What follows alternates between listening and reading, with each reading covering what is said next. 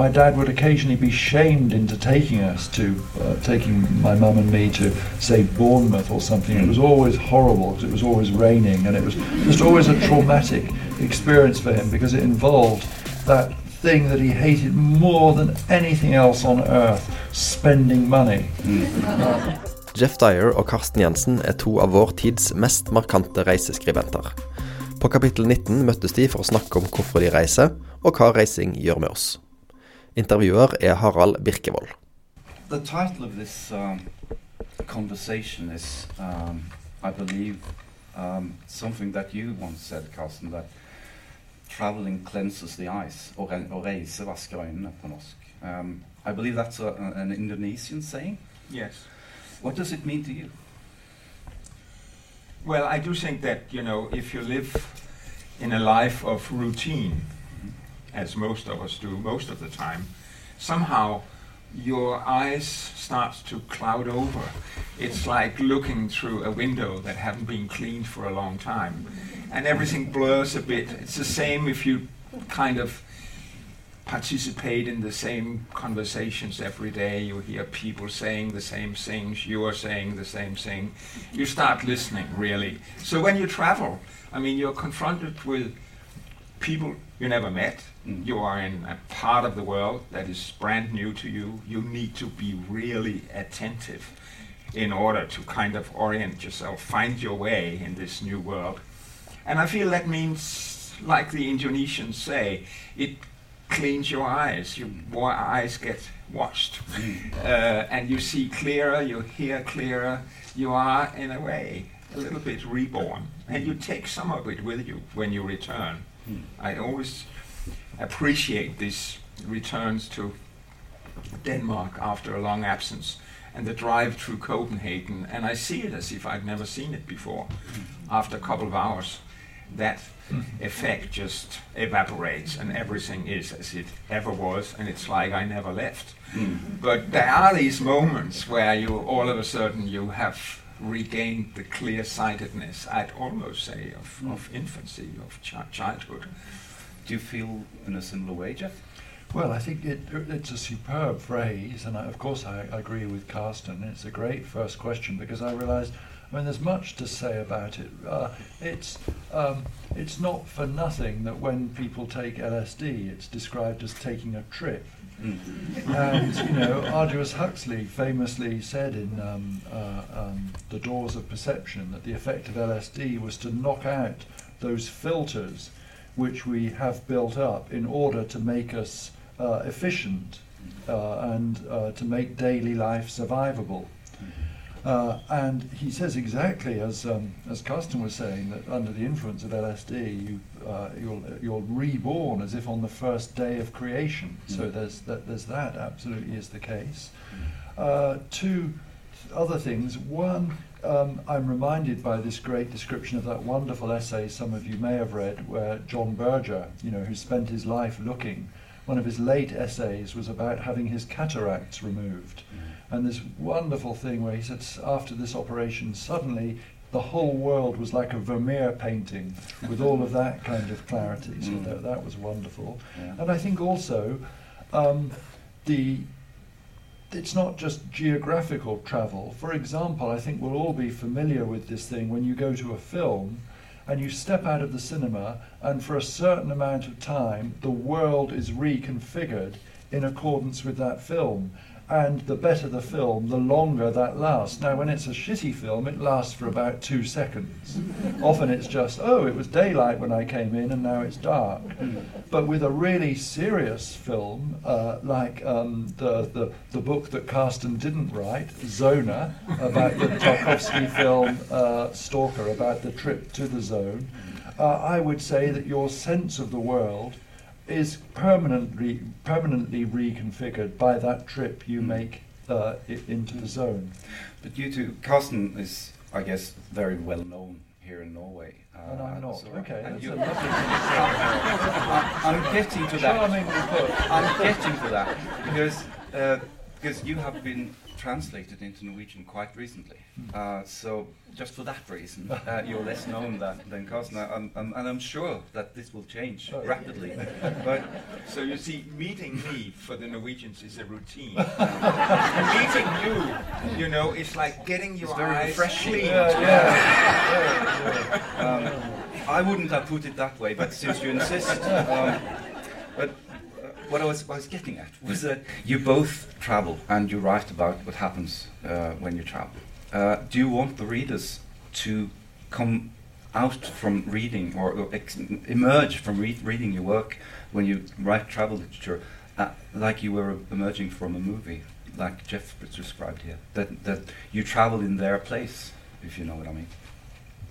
Well, I was often told, um, and this was for my two books from the 90s, I've Seen the World Begin and I've Heard a Shooting Star, Mhm. that my readers were armchair readers, Mm. that I traveled in their place. But I realized that was not true at all. I met a lot of young people who'd been to the same place, places, and some of them were quite wild places. And they'd done things that were much wilder than me. They were somehow comparing travel experiences. They were not non travelers, they were very active travelers. Mhm. And I think this has a lot to do with, and Denmark being such a small nation. I mean, small territory, few people, and if you just stay in Denmark, you end up dying from claustrophobia.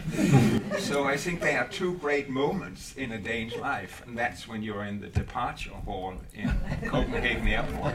And the other one, of course, is when you are in the arrival hall. Uh, Geoff, do you do you think uh, that, or do you do you reflect on on the reason why you are writing these pieces, or Hmm. don't you?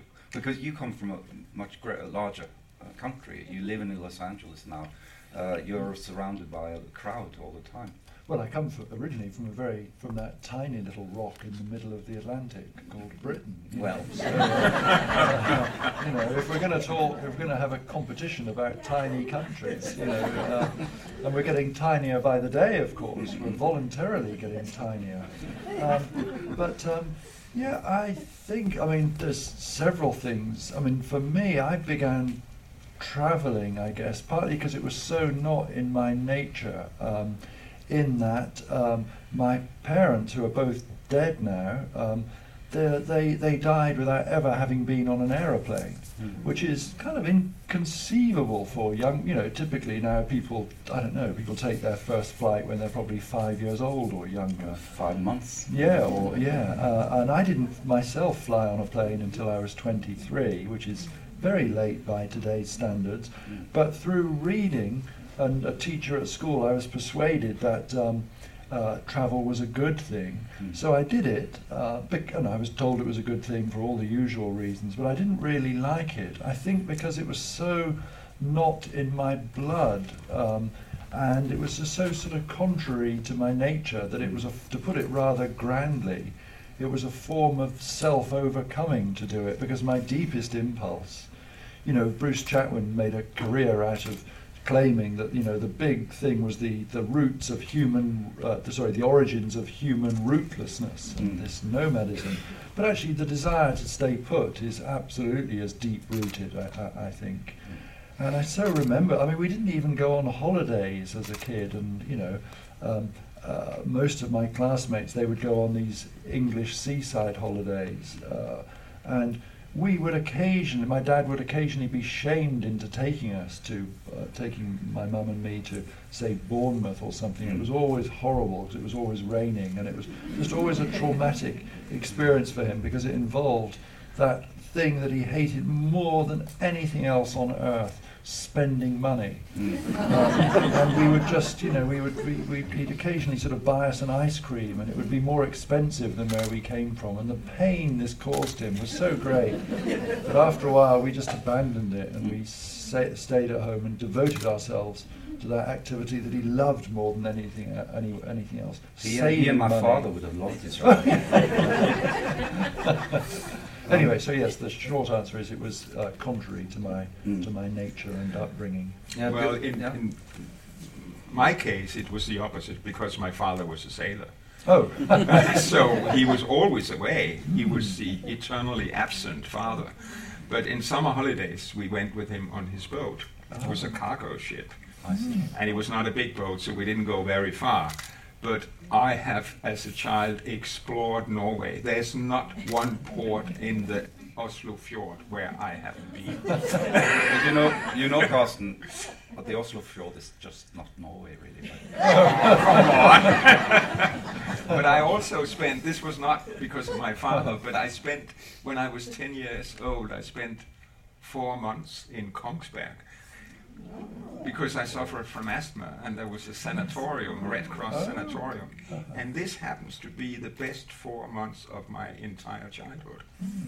So I always have this nostalgia for Norway, which I only say to flatter you. of course.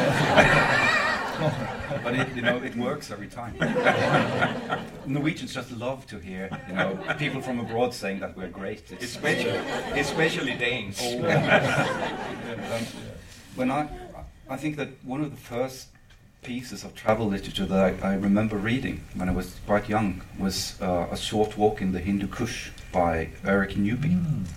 He was, uh, I think he was a fashion person in, in working in London with ladies' fashion, and some friend of his called him up and, and asked him if he wanted to, to go on a trip with him to Afghanistan. So they bought a car in London and just drove there via Iran.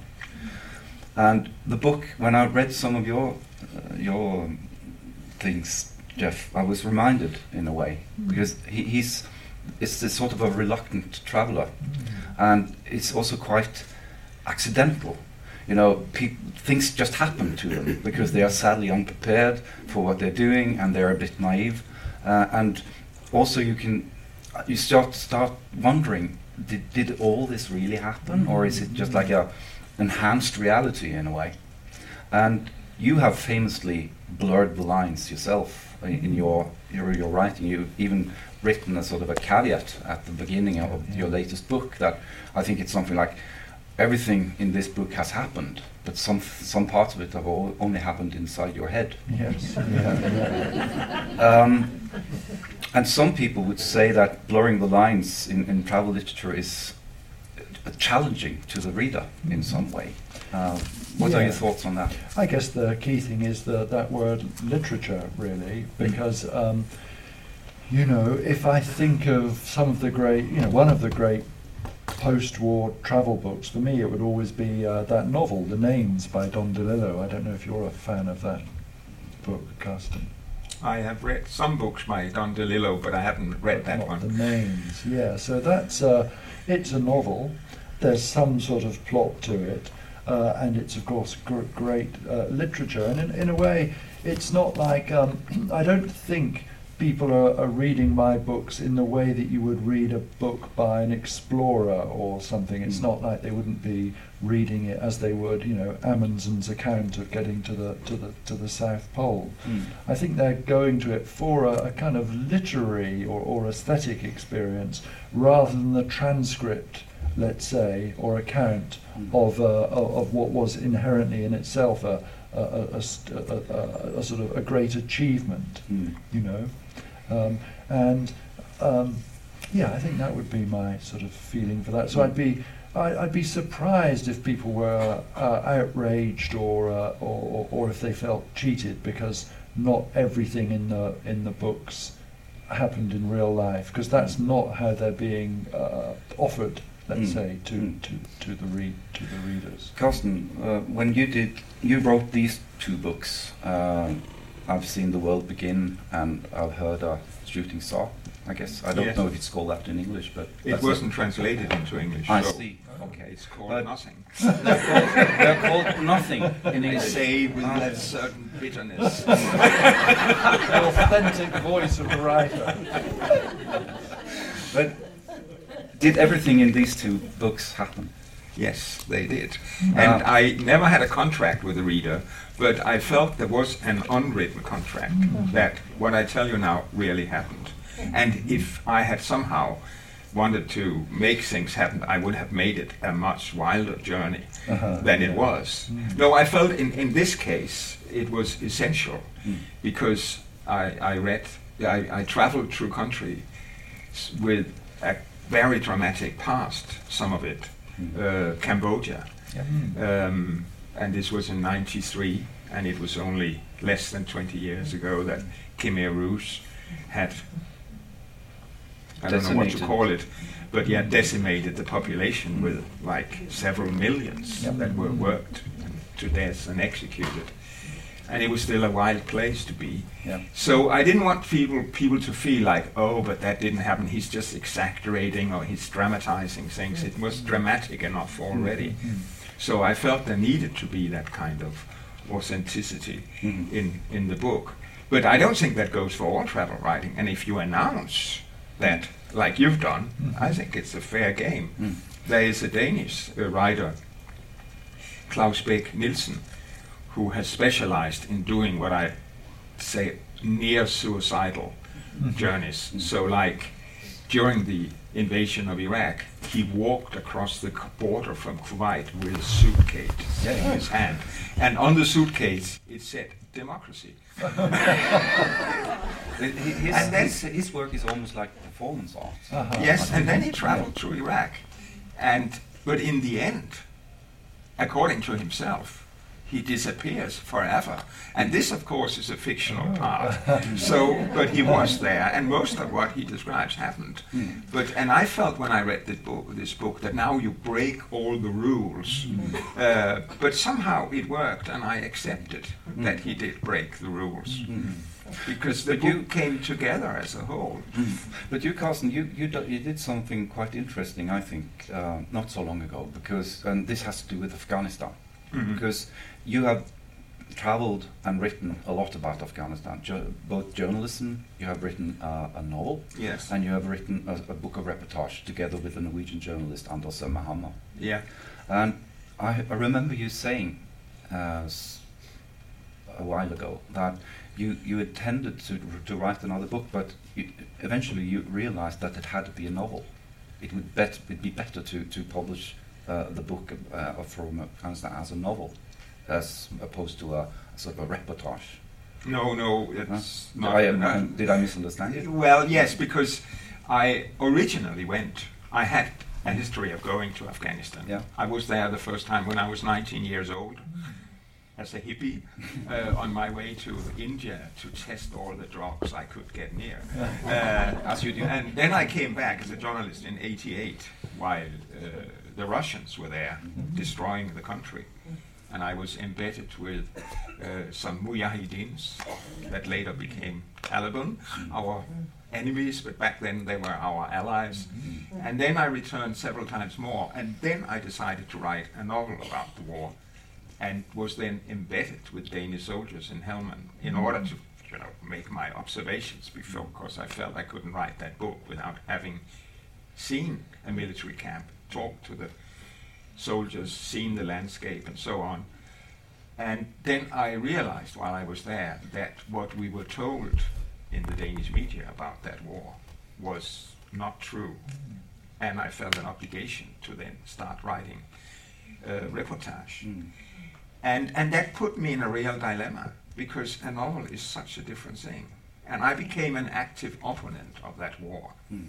Uh, Because one you started out as, as sort of um, Yes, more was- more positive towards Well, it. I was in, in Afghanistan just after the fall of Taliban, Mm. and I went there as a skeptic of the American invasion, and I left as one who approved of it Mm. because so many Afghans told me that they were glad to get rid of Taliban, and I felt I couldn't somehow be wiser than them. Mm. It was their country. But uh, what I saw in Helmand with the Danish soldiers and on later visits turned me into an opponent of the war. Mm. But I didn't want to write a novel that was a kind of, oh, I'm against the war novel.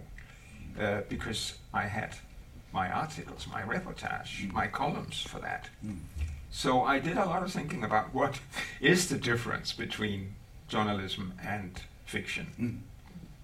And and uh, I mean I did, don't place my the articles reportage I wrote from Afghanistan as travel writing. Uh, no, it is regular journalism because I felt it was very very important to be exact and report exactly what you saw and heard. Mm. Which is, I mean,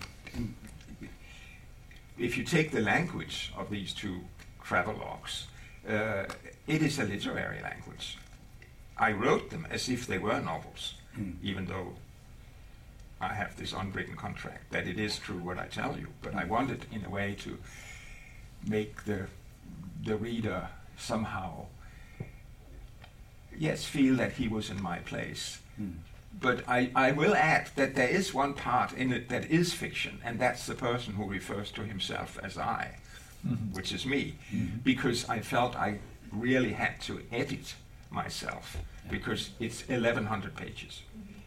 And somehow I had, let's be frank, improved myself a bit Mm. for the reader to somehow be able to stand me. That's very considerate of you. yes, isn't it? I might even say not just stand me, but like me. Could I respond to exactly that point? Because uh, actually, um, uh, I feel that quite often I'm, I'm uh, uh, well, actually, I can go back a stage here. There's a scene in set in Cambodia in the Yoga for People Who Can't Be Bothered to Do It book, and it's a simple scene. We're at one of those. We're at Angkor Wat, and um, there's a uh, two kids trying to sell drinks, and you know there's uh, and we get into this thing, and I take against. I say I'm going to buy a drink from one of the from the girl, and I end up buying it from the boy, and she gets more and more angry, and at one point she um, she's so angry that she thumps the Coca-Cola, which has got really hot in the sun, down on the rocks. Um, and then I say something like, you know, and I decided not to buy her Coca-Cola, which by now had become frankly unsellable, because of course it was hot and it was explosive anyway. And I got a message from a, a, an old girlfriend after that came out. She said, "Oh, I enjoyed reading that, reading that, because it made me realise that I that I really hated you, even when I thought I loved you." and it was. I feel that was. A, s- and the thing is, that Turns out you're much more honest than me. But I had a, actually I had a, had a similar episode with a reader because in in I've seen the world begin. I travel in Vietnam and I visit a remote place in the jungle, an old Khmer temple from this culture that was there long before the Atrocious and Khmer Rouge back in the 14th century. And there was nobody except a couple of Vietnamese soldiers guarding it. And then, of course, it turned out they had started plundering the temple and was selling off artifacts, among them an amazingly beautiful, wonderful Buddha head. And I could not resist. oh no. So I bought it, and it's still with me. Uh, and I look it into its eyes every day. Oh, well. Uh, and this thing of holding something in your hands that were like six, seven hundred years old, I just succumbed. Uh, and then I wrote about it. I did not try to hide it. And then a reader wrote to me when I reached that passage. I decided never again to read another line by you.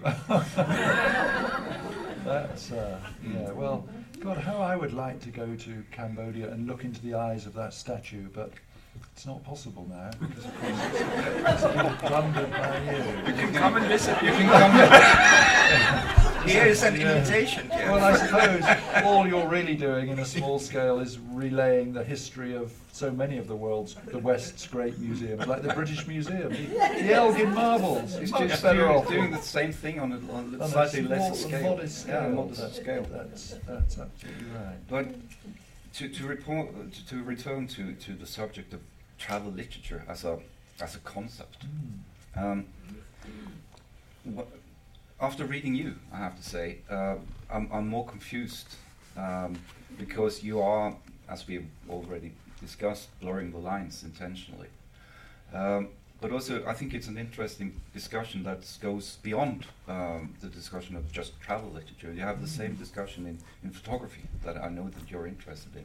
Uh, the blurring of lines between, or in, in documentary photography, there is a Mm. discussion, ongoing discussion about documentarists who are intentionally um, co- challenging the concept of, of what is documentary, um, what is real. Uh, taking a photograph has been sort of a, s- be looked upon as a the, the very definition of uh, documentary work, Yeah. right? Because you freeze a moment in time forever, and what you and it cannot lie. But we have we have learned that photo photography can lie, and it can be intentionally misleading, even though it depicts uh, an actual fact, right? Because Is, isn't this getting very intellectual? Mm. but, but I think it's interesting, even though, um, because the, the, the very concept of this is true, this is not, this is fiction, this is fact, Mhm. um, it makes it sort of more fluent, or, or it is more. In, in, everything is in motion in a way in, in this uh, in this field of literature. Sure, but I mean, with photography, I mean, it's it. This is, as Carsten was suggesting, this is such a colossal sort of topic. I don't. I, I fe- feel I shouldn't spend too long on it. But yeah, essentially, we believe for a, for a long, long while that a what's the phrase that a photograph is a quotation from reality, Mm. and it could prove something has happened. And there have been so many cases where that that, that proof has been has, has, been very, very, very valuable. But I mean, one of the things, and I think I'm certainly of the opinion that uh, really the photography I'm least interested in tends to be staged stuff. I like, you know, street photo- documentary photography. But Garry Winogrand, um, you know, who speaks so profoundly about photography, and he has this great way of explaining all these big philosophical issues in quite sort of just straightforward ways. You know, he says, well, the thing about photography is if you take your pictures in Texas, your pictures are going to look like Texas, which I think is a very profound idea, actually. Yeah. And he also says that the thing about a photograph is that it has no narrative ability whatsoever. That is to say, I mean, to quote you, when you said it freezes that moment. So it does freeze a moment, but you can't tell whether the person is putting a hat on their head and, or, or taking it off. Mm. So that thing of what's going to happen beyond the frame means that we're very, very, rel- we're incredibly reliant on the caption to Mm. explain what, what's going on because we need narrative. And of course, as we know, although photography is very, uh, uh, an individual photograph is very weak in terms of narrative, narrative is what uh, we like from books, and Mm. it's something that you know that writers are always able to do. Mm. I think then it gets interesting in the in the case, and I find myself very rigidly opposed to something where you've got moving images. So, for example, in the case of Werner Herzog, whose extreme megalomania is such that he feels no obligation to uh, um, documentary truth. Mm. And he feels that, um, I suppose it's a, a consequence of regarding yourself as a godlike figure, that he feels that all that matters is to document his vision. So he has this famous phrase of his, you know, he says, you know, what I'm interested in is ecstatic truth. Mm.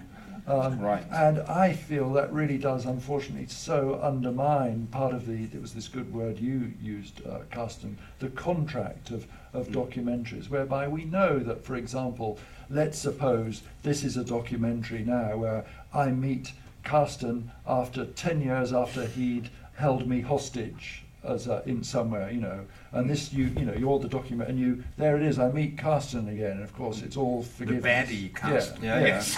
and you know I can envision this. yes you know and it's a wonderful moment and we all agree to put it behind us but we we as watchers of the you as watchers of the documentary know that probably this meeting hasn't you haven't just happened to film a meeting that's occurred a lot of engineering and you know Mm. uh, and we just accept that as part of if you like the grammar of of documentary Mm. making but it records you know it's it's a way of uh, recording something that you know is But when you, But- when you travel, Carsten, uh, you go to a place and you leave it and you write about it.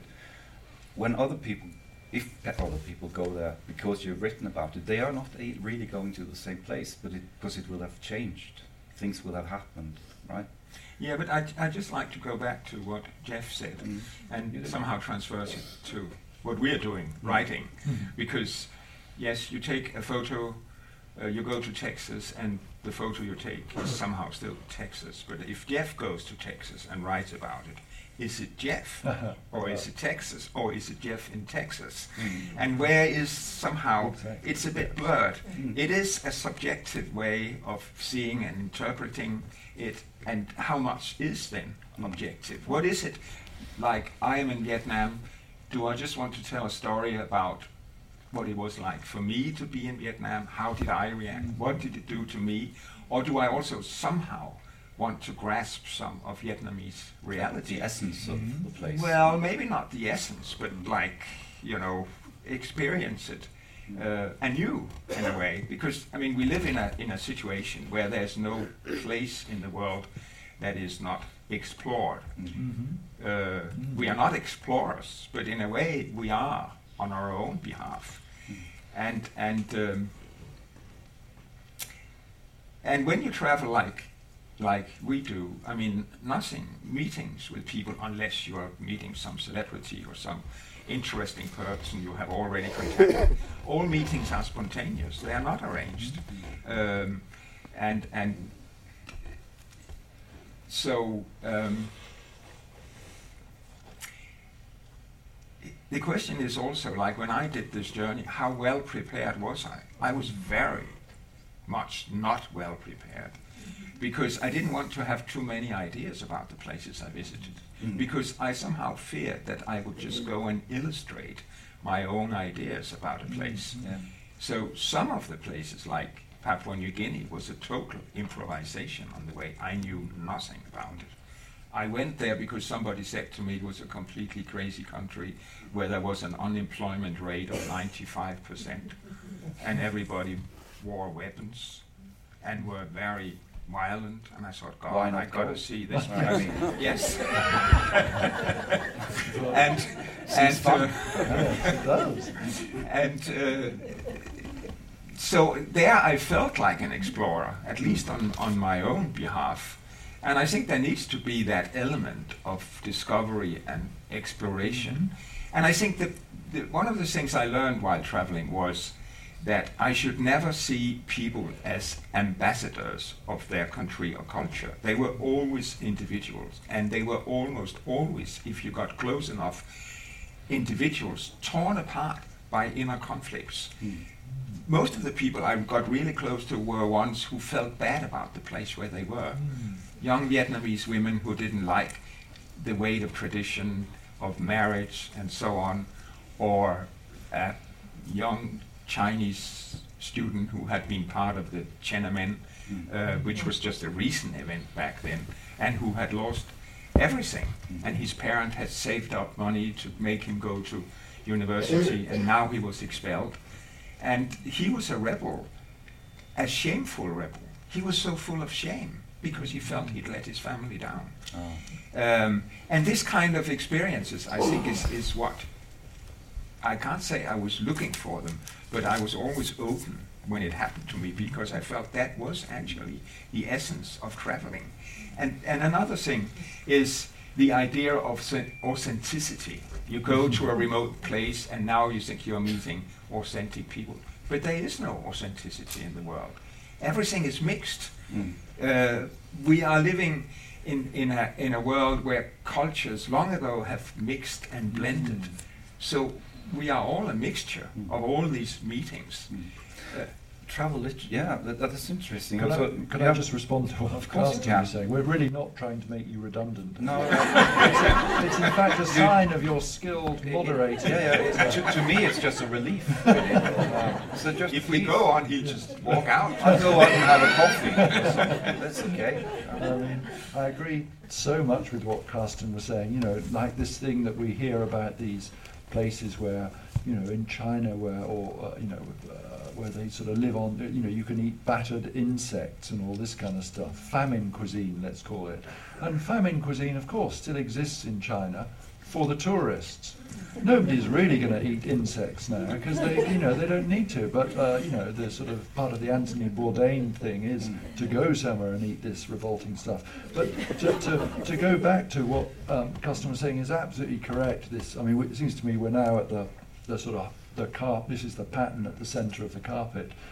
There's that thing between, um, you know, uh, you want a, an objective, reliable description of, of a country, uh, and at the other extreme, there's just uh, a sensibilities encounter with it.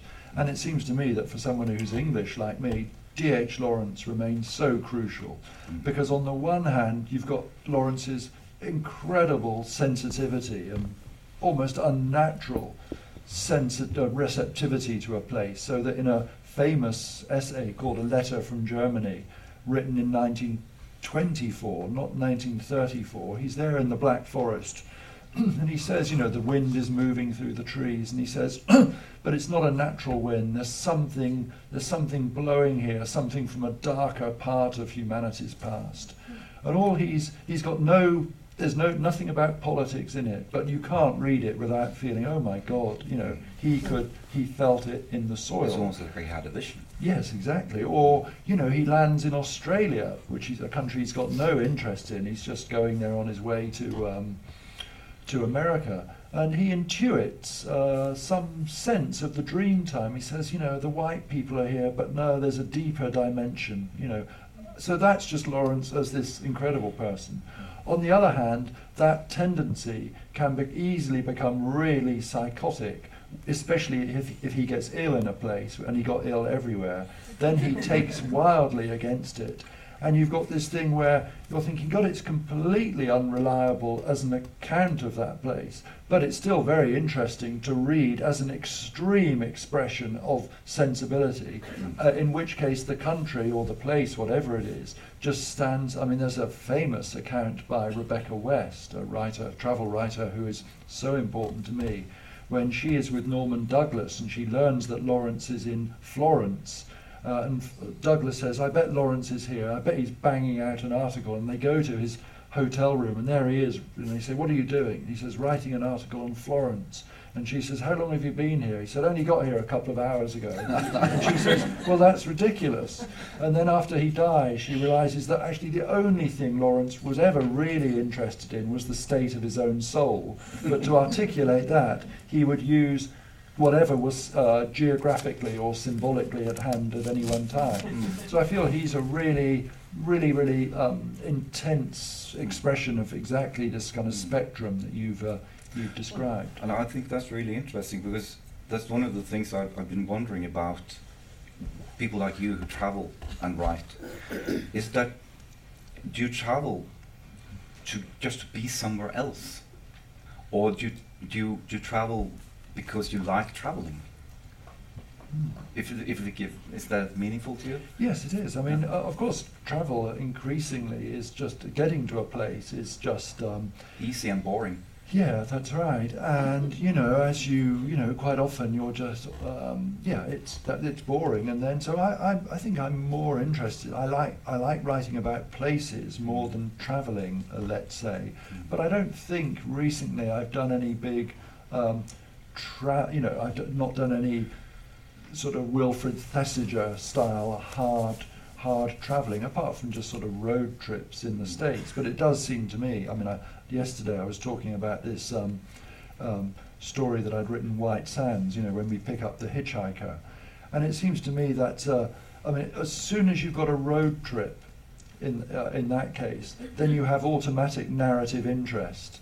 But if you think of films, if you you know if you re, if you saw that recently reissued edition of Apocalypse Now, you know Willard's journey up the river. Mm. As soon as you've got a journey like that, you've got at, you've got you've got inherent narrative interest. So I mean, for a for a, a as a as a it's that aspect of the travel. It, it's the narrative that's in, in, important to, to me rather than the the sort of um, yeah the rather than the, the Thesiger.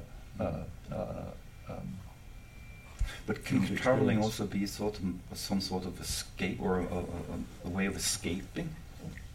You think, Carsten? Well, escaping boredom or escaping yes, yourself, or you know, intelligent people never feel bored.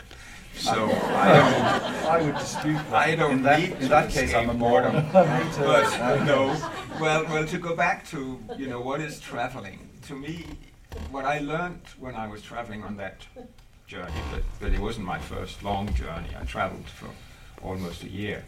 Um, and I traveled when I was 19 to India and was away for seven months. But what, what I learned basically from traveling was the art of being present in the moment, mm. which is so hard in everyday life, where you tend to postpone everything till tomorrow. Uh, there's so many duties you just have to get over with and done. And, and, but this thing you learn from traveling is that everything happens once, and if you don't grasp it now, it won't be there again. There are so many lost moments in your life, but rarely when you travel. And then I have this is kind of feeling present. I have a bit of a confession to make. I have a perverse attraction to war zones, Mm. even though they're full of suffering. Mm. And I would say I mostly go there out of a sense of duty that somebody has to tell these stories. And if you have the feeling, if you don't go, nobody will, Mm. then you go. But but there is something when when every all of a sudden everything is at stake. You're at stake too, and and that makes you somehow, you know, if for example, if you have experienced grief, there is something in grief too that can be almost attractive, Mm. and that is the feeling of being intensely present in the world. it Yes, is if, yeah. if colors become stronger, Mhm. everything is almost overwhelming you, even the most banal sights. Nothing is banal. And that is somehow what I can feel in a war zone, that life totally loses it, its banality. And I think that is a very essential part of travel writing too, to rip off that grey cloth of banality.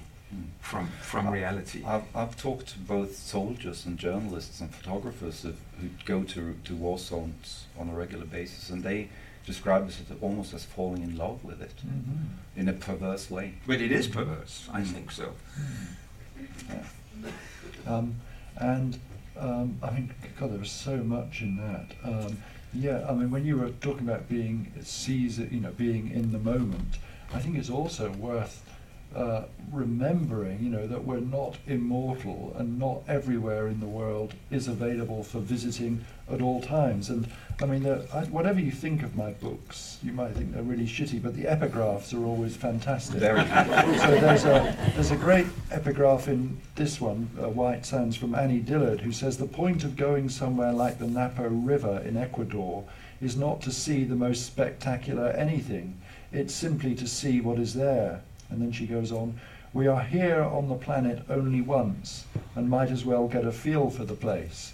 And I like this description of the planet as though it's just a sort of neighborhood, like, you know, uh, um, and yeah, and it is, I mean, um, it's an utterly stupendous planet. It's uh, uh, like many of us, I love watching that footage of these space things that they send to Pluto or Neptune, and it's great, but actually, you know, it, and they said it when they went to the moon. Actually, by you know, by the second or third moon mission, the moon was a bit boring. It was just this grey expanse of nothingness. They all agreed that the absolute best thing about the moon was that you got a great view of the Earth. Um, and so yeah, this is just an utterly such a stupendous planet. It would not be, it would be crazy not to see as much of it as possible. But because of wars and that kind of stuff, so for example, in the yoga book, there's a description of my visit to uh, what I think are the greatest Roman ruins on earth at Leptis Magna in Libya. I'm going to sound smug now. I've been there. Uh, I don't know when any of you will get a chance to, to go, although with your sort of urges, maybe you want to go now precisely because it is so Libya uh, would be just the thing for you, Carsten. Yeah, yeah, you could, uh, yeah. Um, but yes, so that's uh, it's you know in that perverse way. You know, you turn up at a city, you've got one free day. It's always the day when the one museum you really want to visit is closed, isn't it? And that applies on a sort of much larger scale with these particular uh, places Mm. in the world. I think it's also this word came up. Um, I think you were talking about romance. I think there's something about the. Of course, there's this idea of a holiday romance, which is. Um, um, uh, you know, it's a, it's, it's a sort of, it's been a long-standing motive for travel. But I think the part of that is because it's so sort of transient, really. It's just this thing of uh, up being, com- uh, that's, that's when you, that's a way of, that's a very obvious way of being completely sort of present in, in the moment. Mm. Uh, but I'm also conscious of how that sort of receptivity that you've described is for me often wasted. In that I often feel I'm actually at my moment of maximum receptivity. My antennae are at their most responsive during what is always the most boring part of the trip, that is to say, the journey from the airport to the hotel, when it's pretty kind of, it's pretty rubbish the world over that trip, isn't it? But Yeah. there, You there's always go some- by a, an I- IKEA store. Yes, that's, that's, that's always, uh, yeah. Anyway, so uh, yes, we're sort of, uh, I can't remember where we started. No, but I like that, the epitaph you read. Uh, I Epigraph. like, like epigraph, yes. I, like I like your books too, by the way. Not just the epigraphs, but this thing about get a sense, to feel a sense of the place. It's very kind of plain spoken. Mm. It's not a sophisticated way of expressing it, but it, it simply just hits it. And I think what most of us experience, and, and traveling puts that in contrast, is that we can spend an entire life in a place, and when we think about it, we don't really have a feel of the place, a sense of the place, because we're always there, we take it for granted, it's a given thing, Mm. and so we become blind. Mm. Um, and what I felt when I was had accomplished that journey described in the two books, if I had to sum up, what feeling did it leave you with? It left me with gratitude. Mm. Mm, Gratitude that I had seen so much of the planet I live on. Mm, And I mean, the planet was there before me, and it'll be there after me. But. I somehow also had this. It gave me also a feeling of, yes, my own mortality. I'm just here for a tiny glimpse. Yeah. And I had the same feeling here just a year ago when I was the Norwegian cruise ship Fram Hurtigruten, and uh, I was actually there because my publishing house had asked me to be there because they were opening um, the Northwest Passage, Yep. and that's what we want to do. It was the first cruise ship going through, and of course. The passage was packed with ice, so we couldn't go through. Which is probably good news for the planet. yes, then we uh, went, when it was yeah. only packed by the by ice, not because it was cold, No, the cold had hotter. returned, but because it was hotter and it was ice drifting Oh, down from the North oh, Pole. Right. Oh. Anyway, so we changed the route and we went down the west coast of Greenland, and I saw. Well, I saw the disappearing glaciers, but I also saw the glaciers and this immense, amazing landscape. And I felt the same. I felt gratitude that I had seen it before I'm gone from here.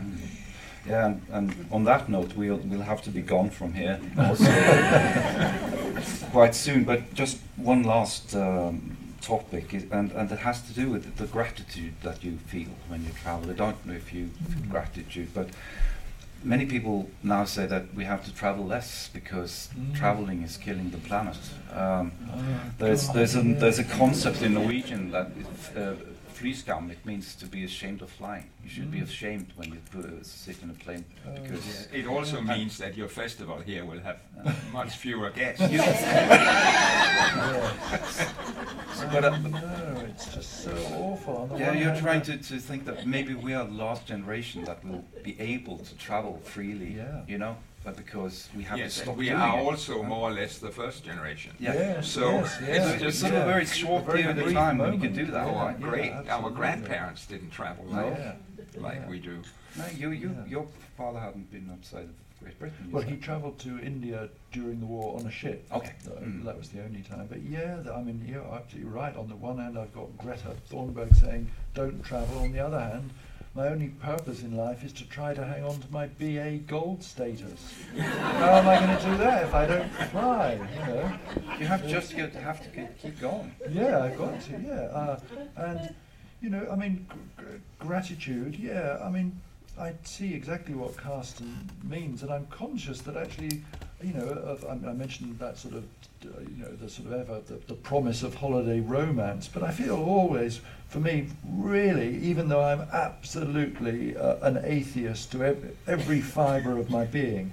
I'm aware that really what I'm really out in it for is well two things. One is great natural beauty. So, uh, and I think I was so struck by this word which you used, immense, when you grow up as I did on this cloud shrouded little rock in the Atlantic, then the landscape where I live now in the American Southwest, which is immense, there was that there's that great sense you feel which Lawrence articulated of just a, a huge load the lo- a load off your shoulders just that just the scale of that.